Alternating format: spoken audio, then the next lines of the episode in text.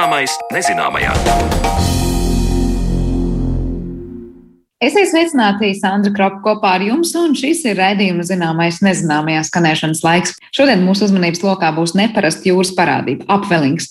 Vienu brīdi jūras ūdens ir silts kā vannā, bet pēc dienas vai pat dažām stundām jau stingzinoši augsts. Kā rodas apvelings un kā tas ietekmē jūras iemītnieku dzīvi, par to visu jau pavisam drīz runāsim studijām. Bet līdz tam uzzināsim, vai tiesa, ka valdošie vēji Latvijā mainās. Rietumu, dienvidu, ziemeļu un austrumu vēji. Katrs no šiem vējiem parasti nāk ar savu atšķirīgu laika prognozi Latvijas teritorijai. Kā vēja virziens ietekmē gada klimatu Latvijā, kāda loma ir valdošiem vējiem un vai nākotnē valdošie vēji mainīsies, par to vairāk interesējās Mariona Baltkalna. Ikdienā lietojam gan vienskaitļa, gan daudzskaitļa formu, sakot vējš un vēji. Ja runājam par vēja ātrumu, uz to attiektos vienskaitlis, bet šoreiz saruna par vējiem daudzskaitļa formā, domājot par vēju virzieniem. Latvijas vides, geoloģijas un meteoroloģijas centra klimatologs Edgars Maļinovskis attālinātā sarunā skaidro, ka saistībā ar vēju virzieniem nozīme ir gan saules radiācijai, gan atmosfērai atmosfēras plūsmām, gan citiem faktoriem un iepazīstina ar to, kādi vēji Latvijā ir vadošie. Pamatā vispār vēja kustība atmosfērā nosaka sākotnēji jau saules radiācija, kas liek dažādiem reģioniem savādāk iesilt un veidojas atmosfēras cirkulācija. Tad ir tās galvenās, kas ir planetārās atmosfēras plūsmas, kas ir diezgan liels noturīgs un tālāk jau kaut kādas konkrētai vietai tos vēja virziens jau nosaka arī citu blakus faktoru, vai reliefs, cikloni, anticikloni un daudz citu faktori. Kas saulē tad ir tāda kā vadošā loma sanāk, jā? Ja? Jā. Nu, Latvijā ir četri galvenie vēji - rietumu, dienvidu, ziemeļu un austrumi. Un e, rietumu un dienvidu vēji mums ir vairāk, ko ietekmē taisnība planetārās atmosfēras e, kustība no rietumiem uz austrumiem mūsu reģionā un e, arī reliefs Eiropā, Baltijas jūra, kas labvēlīgi apstākļiem. Mums būtu vairāk taisnība rietumu un dienvidu puses vēji un mazāk ziemeļu un austrumu. Bet, nu, protams, ir arī citi apstākļi, kas ietekmē, tāpēc arī mums arī regulāri ir visi četri veidi vēji. Citos reģionos jau citi faktori ietekmē, un arī citas ir tās planetārās atmosfēras plūsmas.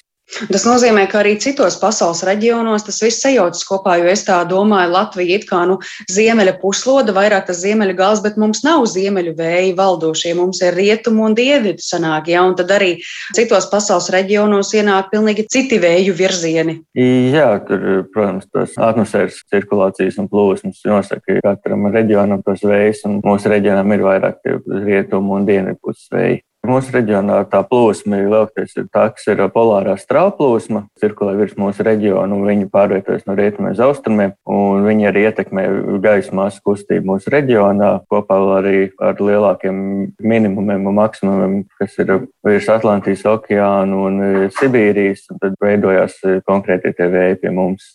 Sakiet, kas ir tas, ko teiksim, katrs no tiem vējiem nes sev līdzi? Piemēram, nu, ziemeļvēju uzreiz asociētos ar tādām arktiskām gaisa masām, austrumvēji iespējams, ja tie nāk no Krievijas reģioniem, varbūt tas nes kaut kādu sausumu līdzi. Kas ir tas, ko, piemēram, pie mums atnes tie rietumu un dienvidu vēji, tā kā tie pie mums ir valdošie, un ko vēl varētu nest ziemeļvēji un austrumvēji? Raksturīgākie apstākļi, kas ir pie konkrētiem vēja virzieniem, ir atkarīgi no gaisa masām, kas lielākoties nāk no katra no tā virziena. Piemēram, no rietumiem vairāk nāk Atlantijas gaisa masas, kas vienmēr ir siltākas un mitrākas ziemas sezonās, un vairāk ar cikloniem un rudens vētras raksturīgi nāk no rietumu puses. No dienvidu puses vēja varētu būt vairāk siltās gaisa masas, nes tālāk no vidus jūras reģiona vai vēl vairāk uz dienvidiem. No ziemeļiem tas ir īsākais ceļš arktis arktiskajām masām, tāpēc ir raksturīgs, ka pie ziemeļvēja arī vēsāks, jo ieplūst kāda arktiskā masa. Un no austrumiem tad ir tās gaisa masas, kas ir austrum Eiropā vai pat no Sibīrijas. Tā kā tās ir kontinentālās, tad viņas ir par mazāk nokrišņiem ierast. Tas, protams, nav konkrēti visos gadījumos simtprocentīgi precīzi, bet nu, tā lielos vilcienos, jā, kad no rietumiem vairāk ir tādas mitrās siltās gaisa masas no Atlantijas okeāna, no dienvidiem ir tropiskās, no ziemeļiem arktiskās un no austrumiem ir kontinentālās no Sibīrijas un Austrum Eiropas. -hmm. Tas ir tas sausums, jā? Tā kā jā, tas ir kontinentālās mastabiņas, nu, ierastiņas ir sausāks un ar mazāk nokrišņiem. Jautājums, eh, cik bieži mēs, piemēram, piedzīvojam to, ka pie mums ienāk arī tā ziemeļa puse un uh, austrumu puse, ja valdošie rietumu un uh, dienvidu, kā piemēram bija šogad un citus gadus? Tie, kas ir rietumu un dienvidu vēji, tie vairāk nekā pusē no gadījumu, un ziemeļa un austrumu puses vēji ir ievērojami mazāk. Bet nu, tas arī atkarīgs no nu, konkrētā gadā, varbūt arī kādā sezonā, varbūt biežāk arī ziemeļa austrumu vēji. Kādā tajā sezonā varētu būt, ka nu, tie biežākie vēji nekā ierastie rietumu un dienvidu puses. Varētu teikt, ka arī nu, jā, šī vasara arī iepriekš jau bija diezgan raksturīga, ka nebija nekāda lielas atšķirības no tā, kas ir ierastie vēju virzieni, kad arī lielākoties bija tie rietumu dienvidu un tie ziemeļa un austrumu vēji bija atsevišķos brīžos. Tā kā jā, šī vasara tāda kā ierasta. Bet, nu, piemēram, šogad mums bija tie milzīgie karstumi, ja, un tad cilvēki nevarēja naktīs gulēt, jo bija tās tropiskās naktis. Tas arī saistīts kaut kā ar tām dienvidu vēju ienākšanām šajā reģionā, vai tas ar kaut ko citu ir saistīts? Galvenokārt tas ir saistīts ar gaisa masām, kas ir ienācis Latvijā. Tās bija siltās tropiskās gaisa masas no vidusjūras reģiona un tālāk arī no Sahāras. Un, protams, tā kā tas nāca no dienas puses, tad arī nu, dienas puses veidi bija valdošie. Tas ir saistīts, bet nu, tas nav galvenais iemesls vējš, bet nu, tās pašas gaisa masas, kas ieradās no dienvidiem. Un ir kaut kādi konkrēti brīži gadā, kad eh, citi vēji var ienākt? Citi vēji varētu būt biežāk pavasara sezonā un arī vasaras sezonā. Jo ziemā un rudenī lielākoties ir ļoti aktīva tā ciklona darbība, kad arvien biežāk arī ir rietumpuses vēji vai dienpuses vēji. Edgaram Maļinovskim jautāju arī, vai klimata pārmaiņas un vēju virzieni ir savstarpēji saistīti jēdzieni, proti, vai klimata pārmaiņu ietekmē var notikt izmaiņas arī ar vējiem, tostarp mūsu reģionā. Skatoties nu, līdzinējo izmaiņas vēja virzienam, ir redzams, ka palielinājies rietumvēju gadījumu skaits Latvijā, it īpaši ziemas sezonā, kas varētu arī būt kopā ar temperatūras un nokrišņu tendencēm, kad ziemas paliek siltākas un vairāk nokrišņu, jo rietumu masas ir taisno no Atlantijas okeāna, viņas ir siltākas un mitrākas. Tas varētu arī liecināt, ka nu, ir mainījusies arī ciklona aktivitāte mūsu reģionā. Tā vispārīgi var ņemt to, ka Tā kā nu, no rietumiem nāk mums tās atlantiskās gaisa masas, kas ir ierasti mitrākas un, un siltākas, ir īpaši gada augstajā laikā, kad viņi kļūst arvien dominējošāks virziens, kad arvien biežāk varētu būt ietaisni siltāks, mitrāks ziemas un arvien vairāk kaut kādi cikloni, kas varētu būt arī ietekmēt arī ziemas vētru skaitu, piemēram. Klimata pārmaiņas ir plašs jautājums, un arī izmaiņas vējos ir kompleksi saistītas ar citām pārmaiņām, tomēr savstarpēji tas viss saistīts ir. Līdz ar to klimatologa skaidrotais zināmā mērā attiecināms nevien uz ziemas vētru skaitu, bet arī plūdiem Eiropā, kas pieredzēti arī šajā vasarā. Tāpat arī savstarpēja saistība vējiem, Atlantijas okeāna golfa traumas kustības maiņai un klimata pārmaiņām ir. Tomēr galvenā sakarība golfa traumai un klimata pārmaiņām ir fakts, ka kļūstot siltākam Arktikas reģionam, ledāji vairāk kūst un ūdens kļūst mazāk sāļš virsējā slānī un tas ātrāk sasilst.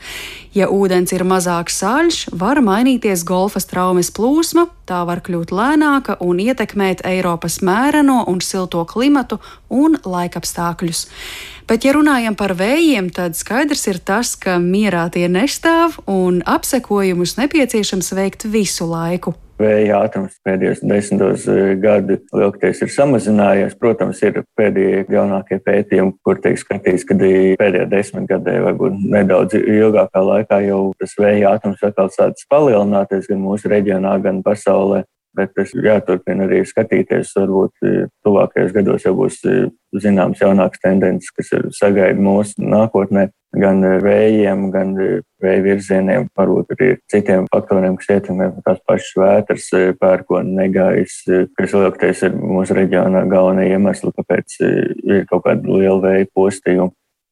Par valdošajiem vējiem Marionai Baltkalnei stāstīja Latvijas vidas geoloģijas un meteoroloģijas centra klimatologs Edgars Maļinovskis, bet raidījuma turpinājumā pievēršamies parādībai, kad jūras ūdens strauji maina temperatūru un nereti nesagatavotas pārsteidz peldētājus.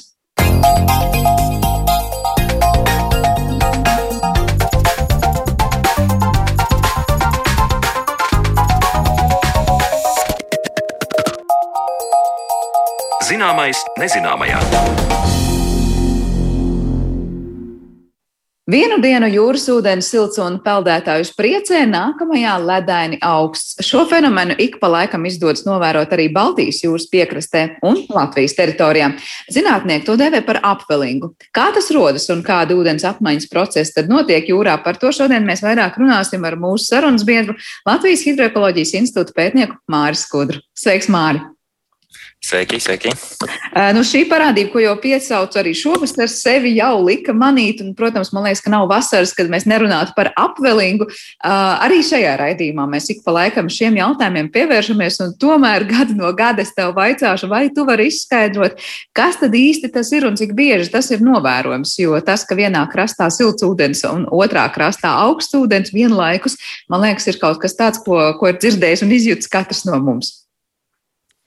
Jā, tā, tā patiešām ir. Un, un, un ja pieskaras tajā jautājuma pirmajai daļai par to biežumu, tad uh, tas ir kaut kāds tāds. Uh, Tāds lielums, ko vispār ir grūti aprakstīt, jo, jo tā parādība ir ļoti, ļoti dinamiska. Bet, nu, tā vienkāršākajiem vārdiem sakot, tad apvilnings ir tā parādība, kad mums piekrastē virsmas silto ūdeni aizdzen prom no krasta un vietā nāk augstais ūdens no ūdens dziļākiem slāņiem. Un tāpēc mums ir, tāpēc mums ir šī, šī lielā starpība, kad ārā var būt uh, plus 30 un vairāk grādi, bet ūdenim var būt pat 8, 9 grādi tikai. Tas iemesls, kāpēc tas notiek, ir tā ūdens aizplūšana, var teikt, nu, tā kā paralēli krastam, to pūš kaut kur prom vai no krasta, to iepūš dziļi jūrā. Kā tas notiek? Nu, galvenie mehānismi, kas to izraisa, Eh, principā pats galvenais ir vējš un, un, un vēja virziens. Tam ir jābūt eh, paralēli krastam. Paralēli krastam, tad, tad tas vēja virziens ir vislabvēlīgākais, lai šī parādība norisinātos. Bet eh, tā piebilde ar paralēli krastam, tam vējam ir jābūt paralēli krastam ar nosacījumu, ka sauszem ir no mums pa kreisi.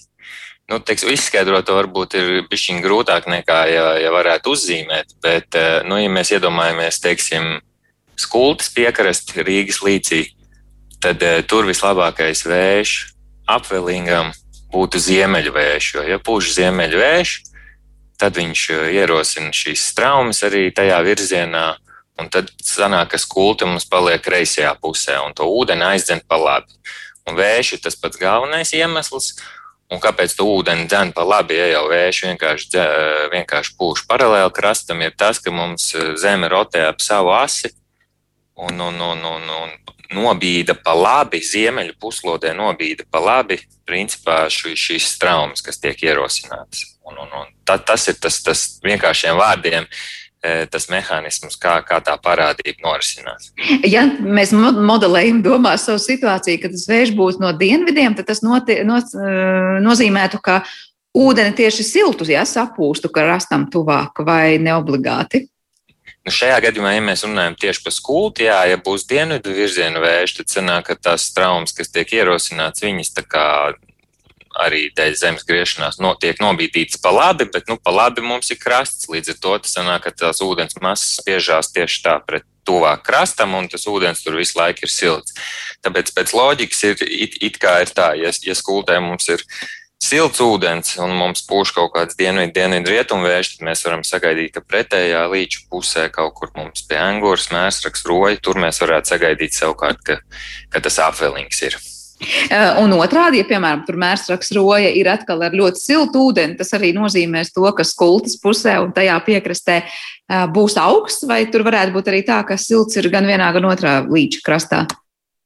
Nu, tā apgalvot simtprocentīgi, kad, kad vienā ir augsts, otrā ir silts, es neņemtos, jo, kā jau minēju, tā, tā parādība tiešām ļoti dinamiska un, un, un gadās pat tā, ka tas apvilings burtiski ir uz kādām pāris stundām. Tas vējš attiecīgajā virzienā iepuš stiprāk kaut kādu noteiktu, noteiktu stundu skaitu, un, un, un burtiski pēc trim, četrām stundām uh, Eh, teiksim, sistēma atgriežas iepriekšējā stāvoklī, un, un, un nekas tāds, eh, kā lai saka, drastisks nav noticis. Savukārt, ja mums tomēr tam virzienam vēja um, ir tendence pūst kaut kādā noteiktā stiprumā vairāk dienu ietvaros, tad gan, tad gan tā parādība kaut kur noteikti būs pamanāma. Cik stipri, tas, tas, tas ir atkal, atkal nedaudz, tur, tur mēs varētu runāt daudz un, daudz un sīkumos, bet, bet tur, protams, ir savas nianses. Jo, kā piemēru var pateikt, ka nu, ir, teiksim, pēc novērojumiem ir bijis tā, ka mērsragā mums ir kaut kādi 18 grādi rāda piekrastē, savukārt rojā kas ir nedaudz virs mērsraga, ja, tur, teiksim, ir pat pa 8, pa 10 grādi, pat mazāk. Bet, ja mēs paskatāmies uz karti, tad sanāk, ka mums mērsrags tieši ir tā, uz tāda kā raga, un aiz tā raga tā, tā piekraste ieņem tādu, kā lai saka, dienvidu austrumu virzienā vērstu to virzienu. Un, un pat, pat šāda neliela nobīde tajā krasta līnijā var, var, var, var, var izraisīt to, ka ir šād, šādas, eh, šādas parādības, kad, kad ļoti pat it kā geogrāfiski tuvās vietās, vienā vietā tev tā temperatūra ir, ir, ir šķietami laba. Savukārt, es nezinu, mērsaks roja tur droši vien. Kad 50 km varētu būt, ne, ne, nezināšu tā pateikt no galvas, bet tur savukārt jau mēs, mēs redzam, ka tas signāls ir izteikts. Un, un, un tas tīri, tīri ir vēja virziens spēlējās. Un, uh, Un krasta līnija, ja katrs robiņš ir ar savu krastu. Principā, principā jā, un, un šogad, šogad eh, tieši es eh, realizēju vienu projektu. Tas ir pēcdoktorantūras pētniecības atbalsta projekts eh, programmā 1112, kas tiek finansēts ar Eiropas Reģionāla attīstības fonda atbalstu. Un, un šogad es esmu kā reiz mēģinājis arī dabā braukt. Tad, kad es saprotu, ka būs vai redzu, ka jau ir tas apelings, es mēģina tur braukt, un mēs paņemam, nomēram, nomēram ar zondi, kas mums tur noteikti ir ūdens masā. Un es mēģināju tieši saprast, cik, cik tuvā joslā pie krasta viņš ir sastopams, cik stiprs, kas tur mainās. Un, un, un, tā kā redzēsim, kas tur būs sanācis. Datus tu esi ievācis, ja es saprotu, rezultātu vēl nav. Kaut kādi rezultāti man ir, nu, teiksim, tādi vienkāršākie rezultāti tieši par temperatūru, jo temperatūra skaidrs, ka ir tas labākais uh, rādītājs, kā mēs varam saprast, vai, tā, vai tas apvelings tur bija vai nebija un cik stipri. Un tad es konkrēti kaut kad jūlijā es mēģināju mm, pamērīt, cik nu tuvu var krastam, tad uh, 2 km no krasta un 4 km no krasta. Tādos transektos mēs pamērījām. Un tad, principā, es nonācu pie secinājuma, ka tas viss ir ļoti dinamisks tajās vietās, kur norisinās. Ir īpaši tajā laikā, kad tas aplinks tieši ir sācies. Jo, teiksim, skultē mums bija tāds gadījums, kad pie ostas vārtiem eh, tā temperatūra ir, ir ļoti, ļoti maza. To pat vizuāli varēja redzēt šo miglu, kas paceļās no šī vēsā ūdens. Uh, pabraucam divus kilometrus tālāk, tur jau tā ir, ir, ir kaut kādi 15 grādi. Jā, pie ostas vārtiem bija kaut kāda 8, 9, tālāk 15, aizbraucam 4 km no krasta, tur jau ir 23. Tā kā ļoti, ļoti dinamiska tā vide un pāris kilometri tur burtiski maina daudz ko, kur tā fronte ar, ar to vēso un silto ūdeni saskarās. Tūdaļ parunāsim, kāda no šiem apvalingiem ir saka, nozīme tiem, kas dzīvo ūdenī un vispār dabā, nu vēl tāda procesa notiek. Bet pirms tam vēl gribēju precizēt, uz cik ilgu laiku parasti nu, tas apvalings liek sevi manīt, un tas ūdens var palikt augsts, un, un kā mēs sakām, pēc tam atkal paiet laiks, kamēr tas sasilst, vai tur atpūš parasti atpakaļ to silto. Kādi notiek tie procesi, ko mēs krastā, kā nezinu, jūras mīļotāji varam, varam baudīt?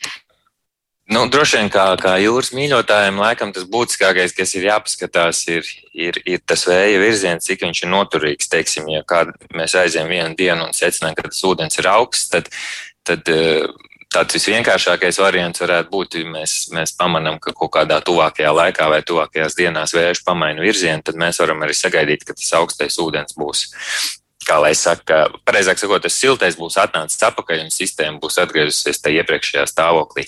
E, man vienkārši negribās, e, kā lai saka, dot kaut kādu ciparu, cik ilgi tas varētu būt, jo, kā jau es minēju, tas tiešām ir ļoti dinamiski un tīri no šīs vasaras, no, no tiem mērījumiem, kas mums bija pieejami un ko mēs paši mērījām, tas tiešām var būt no trīs stundām līdz pat, eh, man liekas, ka bija trīs, piecas dienas augstākais, ko es atceros šovasar. Ja nemaldos, tas arī bija skultē kaut kur. Ja skultas tajā līča pusē, respektīvi, austrumu. Var teikt, ka tā ir tāda teritorija, kas biežāk tiek pakļauta, nu, šis krasts, ja tā var teikt, skultas krasts, nosauksim to tā, apvelingam Latvijā. E, bet Pēc teorijas īstenībā nē, tieši pretēji, jo tā kā tas galvenais, eh, galvenais faktors ir vēja virziens, un, un, un, un pie mums tomēr valdošie ir eh, rietumu, dienvidu rietumu vēji, tad, ja mēs tā, kā lai saka, gada ietvaros, nu, ne gada, teiksim, vislabāk mēs, protams, apelīgu varam uh, detektēt vasarā, bet ja mēs tomēr ņemam to visu vasaru kā tādu atskaites punktu, tad noteikti, noteikti dēļ šī dienvidu un dienvidu rietumu valdošiem vējiem lielāka iespēja apvilingam ir, ir, ir, ir līča rietumu. Rietumu piekrastē, nu, angura mērsraks, roja, tas, tas apgabals, jā. Tīri dēļ tā vēja virziena, jo pie rietumu dienas rietumu vēja sanāk tomēr, ka to ūdeni tādā lielā mērogā pūš, pūš uz skulti un prom no anguras, piemēram. Bet tas nozīmē, nu, redz, kā dzīvē viss ir citādāk, un bieži mēs redzam arī tomēr otrādi to situāciju. Tad, proti, ka ir augstais ūdens uh, skultas piekrastē un siltāks atkal pretējā krastā. Kā notiek ar Baltijas jūras atklāto daļu Latvijā? Nu, tur arī kā pēc teorijas nevajadzētu apelingam vispār kā tādam būt. Nē, nē, nē tā noteikti nav. Un, un, un, un tīri jau teorija saka, tā, tā kā mums Baltijas jūrā vēja virziens, kā lai saka, ir, ir mainīgs. Mums nav kaut kāda tāda, nezinu, kā pie ekvatora kaut kāda uh, pasātu zona, kur, teiksim, gada ietvaros tomēr vēja virziens ir daudz maz pastāvīgs. Uh, tad, uh, principā, ir tā, ka pēc teorijas tas apvilings var, var gandrīz norisināties jebkur arī Baltijas jūrā, Tātad vēl vienreiz ir, ir, ir svarīgi ir šis eh, piekrastes izkārtojums attiecībā pret vēja virzienu. Un, ja mēs runājam par Baltijas jūru kopumā, tad arī ņemot vērā valdošos uh, rietumu, dienvidu rietumu vējus, kas mums tomēr mūsu platumgrādos ir, tad, uh, tad Zviedrijas. Zviedrijas austrumu piekraste ir, ir tas reģions, kur varbūt mēs varam sagaidīt nedaudz biežāk, tāpat arī Gotlandes uh, Eh, Gotlandes austrumu piekrasti ir, ir, ir tie rajoni, kur mēs varam sagaidīt tomēr biežāk šo apvelingu. Tādā bišķiņa lielākā mērogā runājot. Jā, tā kā var teikt, tur varbūt biežāk būs eh, iespēja saskaties ar augstāku ūdeni, varbūt vasarā. Es tā sapratu pareizi. Eh, jā, protams, protams tā, tā, tā, tā globāli skatoties, jā, bet uh, tieši tāpēc arī šis pētījums no manas puses ir, ir interesants, jo līdz šim tas, kas ir pētīts, pārsvarā ir tieši ņemta šī Baltijas jūra tādos. Tādā vienotā lielumā, un, un teiksim, mūsu līcim ir, ir diezgan maz pieskārušies tieši par šo biežumu, cik bieži varētu notikt cik tad varētu būt tas apvelings stiprs un tā tālāk. Pārsvarā tas viss ir balstīts uz, uz, uz, uz kaut kādiem modeļu aprēķiniem, vai arī pa pamatu ņemti satelīta dati, vai nu, arī kombinācija no abiem. Un tad ir iedoti beigās kaut kāda e, biežuma procenti arī, arī mūsu piekrastē, kur ir izvilkti. Bet, bet, bet tad, tad, tad mums tā doma ir tomēr iet dziļāk un mēģināt saprast, kas, kas, tur, kas, tur, kas tur tiešām notiek uz vietas, un, un, un cik stipri un cik tālu no krasta un, un, un tā tālāk. Ko tev kā pētniekam šie jautājumi, nu tad, kad tie ir atbildēti tālāk, ļauj saprast? Proti, labi, tu sapratīsi, cik bieži, cik ilgi tas apvalings notiek, un kas, kas no tā mainīsies?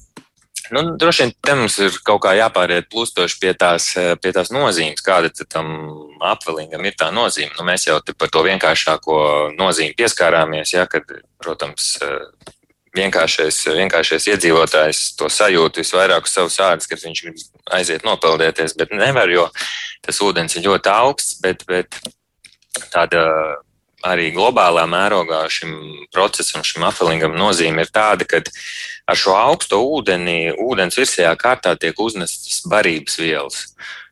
Respektīvi, šie apvelinga reģioni ir ļoti produktīvi. Tur attīstās fitoplanktons, zooplanktons, un, un, un tā ir pamata barības bāze zivīm.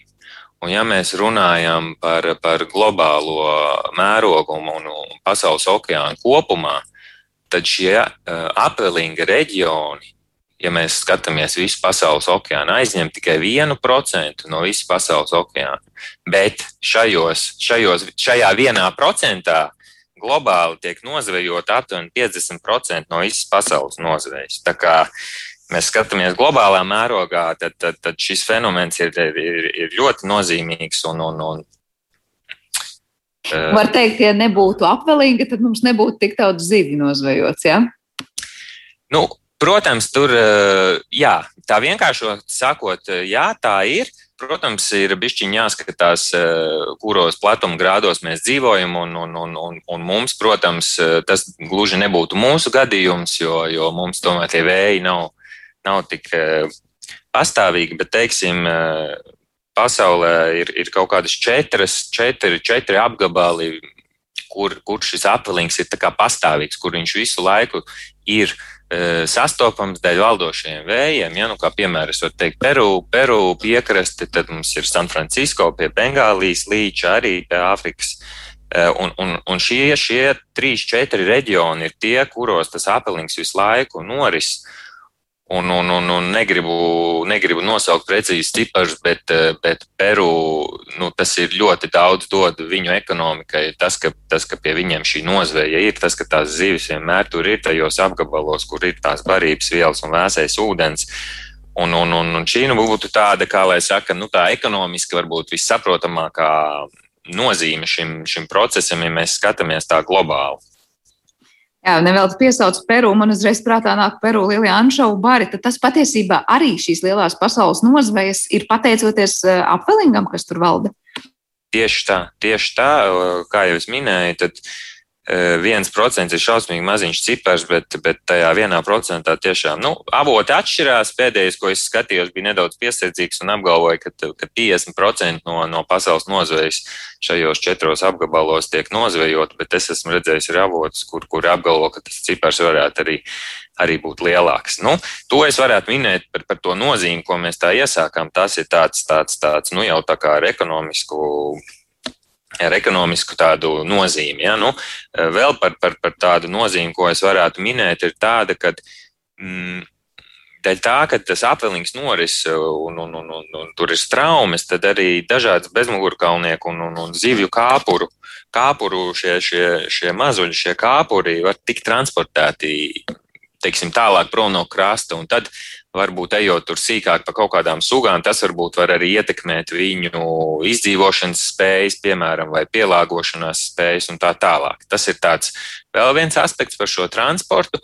Nu, un vēl, viens, vēl viena tāda nozīme, kas ir arī patiesībā sakot ļoti labi vizuāli redzama, kad, kad tas ietekmē arī, arī lokālo klimatu tādā izpratnē, ka Eh, tad, kad mums šis ūdens ir, ir piekrastē ir ļoti atdzisis un, teiksim, pieņems, viņam tur ir kādi 10 grādi tam ūdenim, un ārā mums ir 30 grādi, tad tās gaisa masas virs, šīs, virs, šī, virs šī vēsā ūdens atdziest.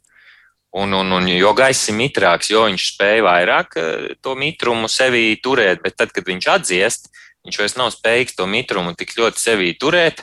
Un, un, un, un, un šis mitrums kondensējas, un parasti šajos apvilinga reģionos mēs varam uh, bieži novērot miglu. Un, un, man liekas, es kaut ko redzēju sociālajos tīklos pavisam nesen. Arī skultē bija cilvēks iesūtījis, tad, kad bija apelīns, bija ļoti labi gar visu krastu, šaurā joslā redzama šī mīkla. Tā globāli, nu, San Francisco ir ļoti slavena ar, saviem, ar savu šo, šo, šo tiltu, kas viņiem ir šo sarkano, visiem labi zināmo un arī ar šīm, šīm eh, mākslinieckajām fotografijām, kur viņš vienmēr ir ies, ieskauts šajā, šajos miglas vālos.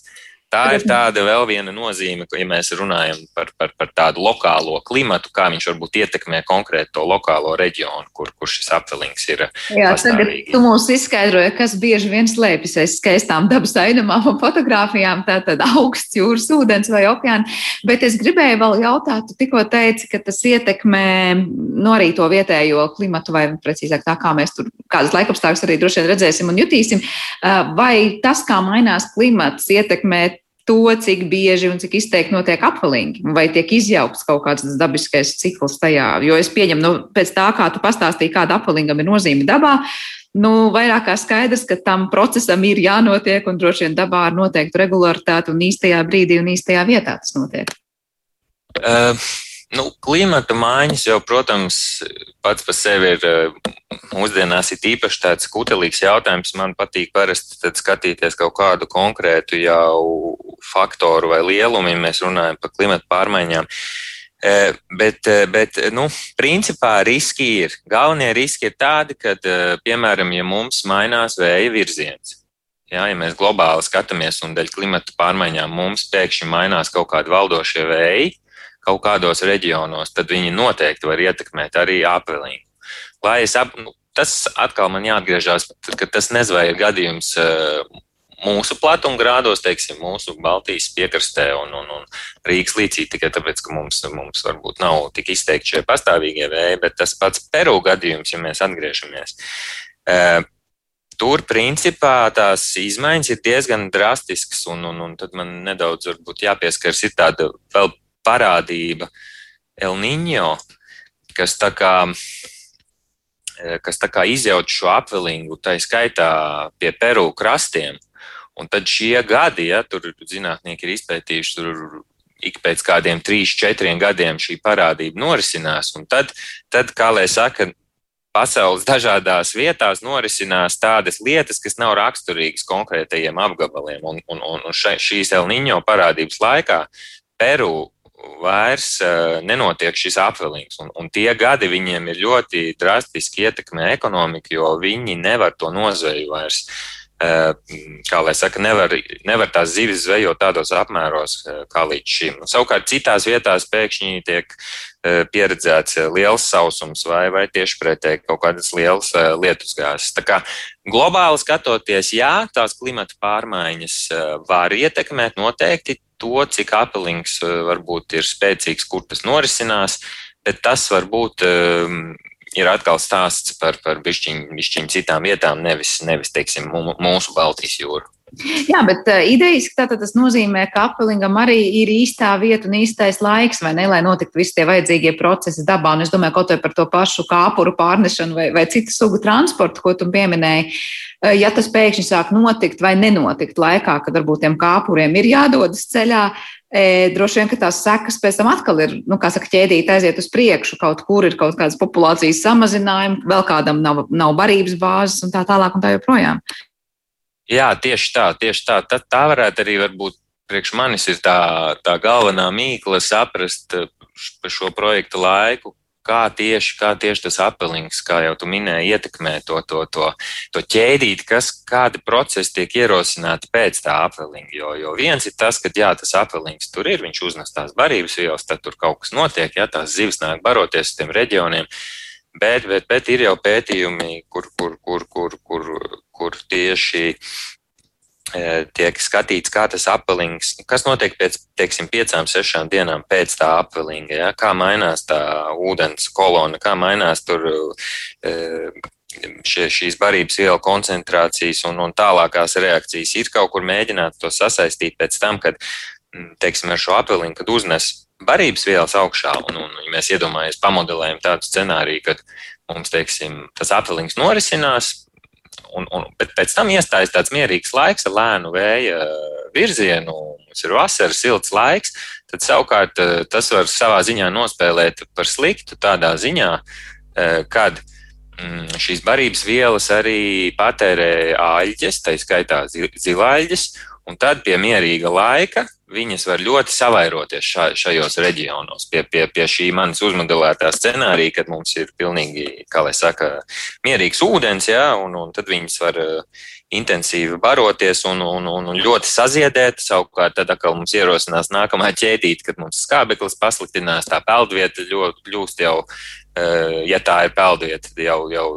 varbūt ne, neteikšu, ka bīstama, bet noteikti, ja, ja, ja tas ūdens nonāk mums organismā, tad, tad noteikti jau tur, tur mēs varam sajust nepatīkamas sekas. Nu, tā kā tās, tās ķēdītes te ir ļoti daudz, it kā viņas eh, pat ir zināmas, eh, kā tas process varētu norisināties, bet tās detaļas un, un, un apjomi un, un intensitāte ir tas, kas, eh, kas, kas nav skaidrs un, un nav skaidrs arī tieši, kā tur tie visi mehānismi norisinās Rīgas līdzīgi. Jā, tos tātad es saprotu, to ar savu pētījumu palīdzēs vairāk uh, atšķitināt.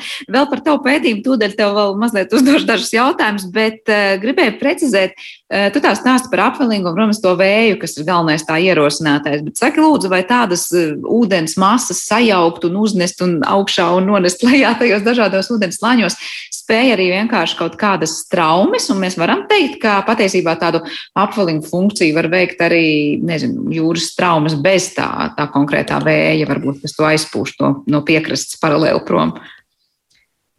Uh, nu, ja mēs droši vien runājam tādā klasiskajā aplinga izpratnē, kuru, kuru izraisa vējš, tad es, es drīzāk teiktu, ka nē, bet teiksim, tas, tas, tas, ko tu minēji, tur mēs varētu atkal skatīties uz, uz šiem reģioniem, kur mums globāli noris straumju kā lai saka, nu, ne gluži sadursmes vietas, bet tur, kur mums, eh, teiksim, polārajos eh, reģionos, teiksim, tā pati golfa strauma, viņa plūst līdz kaut kādiem platuma grādiem, un tad viņa sāk atzist. Un tad, kad tas, tas, tas ūdens sāk atzist, tad viņš sāk grimt, un tur mums norisinās šī, šī ūdens masu tāda kā sajaukšanās. Bet, bet to, to mums nevajadzētu, nu, tas, tas netiek uzskatīts kā tāds, eh, kā lai saka, klasiskā izpratnē apvalings. Tas, tas vairāk ir tiešām saistīts ar jau ar ūdens masām un, un, un vietām, kur šīs traumas grimst un, un, un, un, un, un, un tā. Varbūt lielākos mērogos, jo tas notiek tur, kur mēs runājam par tiešām straumju kustību, varbūt un to, kā tās, tās ūdens masas tālāk tur iešūpo vārdu tiešajā nozīmē. Bet atgriežoties pie tā tava pētījuma, man interesē, kādi ir tie rīki, ar kuriem tu vari tur veikt visus tos mērījumus. Tu minēji dažādas atskaites punktus attālumā no krasta, vai tās ir kādas gudras ierīces, kuras tu tur atstāji un ik pa laikam nolasa rādījumus, vai, kā saka, tu iesēdies laivā un, un dodies ar savu mēru instrumentu, tad tos visus kilometrus, kā tu minēji, jūrā. Jā, nu tas, tas, protams, ir vēl viens eh, šī, šī, šī projekta izaicinājums, eh, jo, jo ņemot vērā, ka tā parādība ļoti dinamiska, viņu tiešām ir arī salīdzinoši eh, grūti, ja var tā teikt, noķert. Nu, tas, tas, tas, tas, kā lai saka, tradicionālākais ir tas, ka mēs, mēs tiešām brauc, sēžamies tajā laivā, braucam uz tiem apgabaliem un, un, un tur tad veicam šos mērījumus. Ja, bet, tad, protams, eh, protams, tur ir atkal savas nianses un sava loģistika, vai mēs varam tur tajā konkrētā dienā, kad mums jābrauc, dabūt to transporta līdzekli, vai mēs varam paspēt uz to parādību un tā tālāk. Respektīvi, ja mums izdodas, mēs, mēs teiksim, varam labi telpiski kaut kādu apgabalu salīdzinoši labi telpiski atspoguļot. Bet, bet, bet nu, tas mums ir atkal tikai viens mirklis laikā, ja mēs skatāmies. Ja, tad mēs aizbraucām konkrētā dienā, konkrētā laikā, nomērījām. E, tā būtu tāda tradicionālā metode. Otrs variants ir, ir, ir, ir arī pie mums Latvijas vidus geoloģijas meteoroloģijas centrs piedāvā piekrastes novērojuma stācijas. Un, un, un, un es varu teikt, ka dažas no viņām es izmantoju arī, arī, arī pētot un skatoties, kas notiek, cik dinamiski mainās temperatūra Rīgas līcī. Jo, jo dažas no šīm stācijām atspoguļo šo dinamiku salīdzinoši labi. Savukārt šeit mums ir problēma tāda, ka mums varbūt ir laba, labi dati ar, ar laika izšķirtspēju, bet nu, mēs dabūjam tos datus tikai pa vienu punktu. Un tad projekta ietveros mums ir izlikta tā saucamā viedā, jeb, jeb smartboja, mums ir sadarbība ar, ar skultas ostu. Paldies viņiem par to, jo mēs esam izvietojuši savus mērierīces uz skultas ostas pieņemšanas bojas. Un, un, viņi ir aptuveni kādus 2,5 km no krasta. Un tad reizi stundā, reizi stundā mums, mums arī tiek sūtīti dati, un kaut kādus, kaut kādus signālus mēs varam arī iegūt, iegūt no tā Tas būtu tā kā, kā lai saka, otrs tāds, otr, otrs tāds novirziens. Un tad, tad mēs mēģinām vēl dabūt papildus informāciju, ko mēs varam no satelītdatiem. Jo satelītdatos principā arī, protams, skatoties, kā, kurus datus izmantojam, kāda ir viņu izšķirtspēja, bet principā šos apelīņu signālus, ja viņi nav ļoti, ļoti šauri gar krastu, mēs varam arī iegūt no satelītdatiem. Bet sanāk, un, protams, vajadzētu... vienmēr, Jā.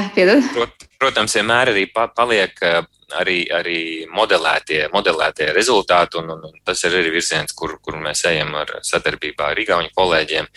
Bet, nu, ka, teiksim tā, mums ir kādi četri mainīgie, Un tad mēs mēģinām to bildi salikt pēc iespējas labāk kopā, jo katram no tiem četriem mainīgajiem ir, protams, savas, savi plusi un savi mīnusi. Nu, tā kā mums ir tāds, tāds, tāds kopējs kop, kopējs, kopējs apjoms ar metodēm, kuras mēs mēģinām izmantot, lai savāktu pēc iespējas vairāk to, to informāciju. Bet sanāk, tādas viedās bojas būtu jāizliek eh, daudz biežāk un vairāk, ja, lai tās eh, datu rindas tev būtu kvalitatīvākas. Jā, protams, es būtu tikai par. Nu, protams, tur ir uh, tikai viena problēma, ka tas ir finansiāli, protams, ļoti, dārgs process, un, un, un visi tie sensori ir tiešām diezgan dārgi, arī, arī visa uzturēšana ir nu, diezgan, kā lai saka, komplicēti. Ja mēs arī, arī jau, teiksim, skultas smartvoju mums izlikt ir pagājušā gada jūlijā. Nu, nu, nu, nu, ik pa laikam jau mēs sastopamies ar kaut kādiem uh, niķiem un, un ķibelēm, un tad mums ir, protams, jābrauc un, un, un jāskatās, kaut kas jālabo, jāpielabo, lai, lai sistēma strādā. Un varbūt skultas gadījumā tas, tas, tas varbūt nav, nav tik, tik sarežģīti, jo tomēr tā boja mums ir salīdzinoši tuvu krastam. Bet nu, mums ir arī smartboja izlikta Pāvilostā un plānojas pie Irbas bākas. Nu, un savukārt tām vietām jau tiešām šī loģistika un uzturēšana jau ir, ir, ir diezgan komplicēta, jo tas, tas jau ir tālāk no krasta, tur mums vajag transporta līdzekļu. Nu, savukārt tur ieslēdzas jā, cita ķēdīte. Jau. Jā, izaicinājumiem bagāta tev tā pētījuma, pētnieka dzīve. Gribēju vēl tikai noslēdzot šo sarunu jautāt, kad tev noslēgsies šis pieminētais pēcdoktorantūras pētījums un uh, kad mēs varam gaidīt kaut konkrēts rezultāts? Noslēdzās, sākās viņš šogad ar, ar 1. janvāru un noslēdzas pēc divu pusgadiem, bet, bet protams, protams, ka tie rezultāti es esmu gan viņus apsolījis, gan, gan protams, uzraugošā institūcija no manis sagaida, ka tie rezultāti, protams, būs laicīgāki. Un, un, un, un skaidrs, ka mans tas uzsvars ir uz, uz šīm vasaras sezonām. Šī vasara, nākamā vasara ir, kā lai saka, tas, tas pļaujas laiks, kad es ievākšu pēc iespējas vairāk tos, tos mērījumus. Un, un, un, un tad, jau arī, tad jau arī būs materiāls, no kā, no kā arī tos sasniegtos rezultātus. Jā, tieši tā, sasniegtos rezultātus, kas ir, kas ir apsolīti, un, un, un, un redzēt, ko mēs tur, ko mēs tur vēl papildus interesanti varam Ieraudzīt. Nu, ko, es eh, ceru, ka tu informēsi arī mūs par saviem interesantiem atklājumiem un to, kas varbūt arī tev pārsteigs eh, virzoties jau uz šī pētījuma beigu fāzi. Eh, Lielas paldies par sarunu. Es atgādināšu klausītājiem, ka mēs dzirdējām Latvijas Hidroekoloģijas institūta pētnieku Māris Kudru šodien raidījumu zināmais nezināmajā studijā. Šo raidījumu producēja Paula Gulbinska, par mūziku parūpējās Girds Bišs, bet darbs kopā bija Sandra Krop. Vēlēšu mums visiem jauku dienu un uz tikšanos!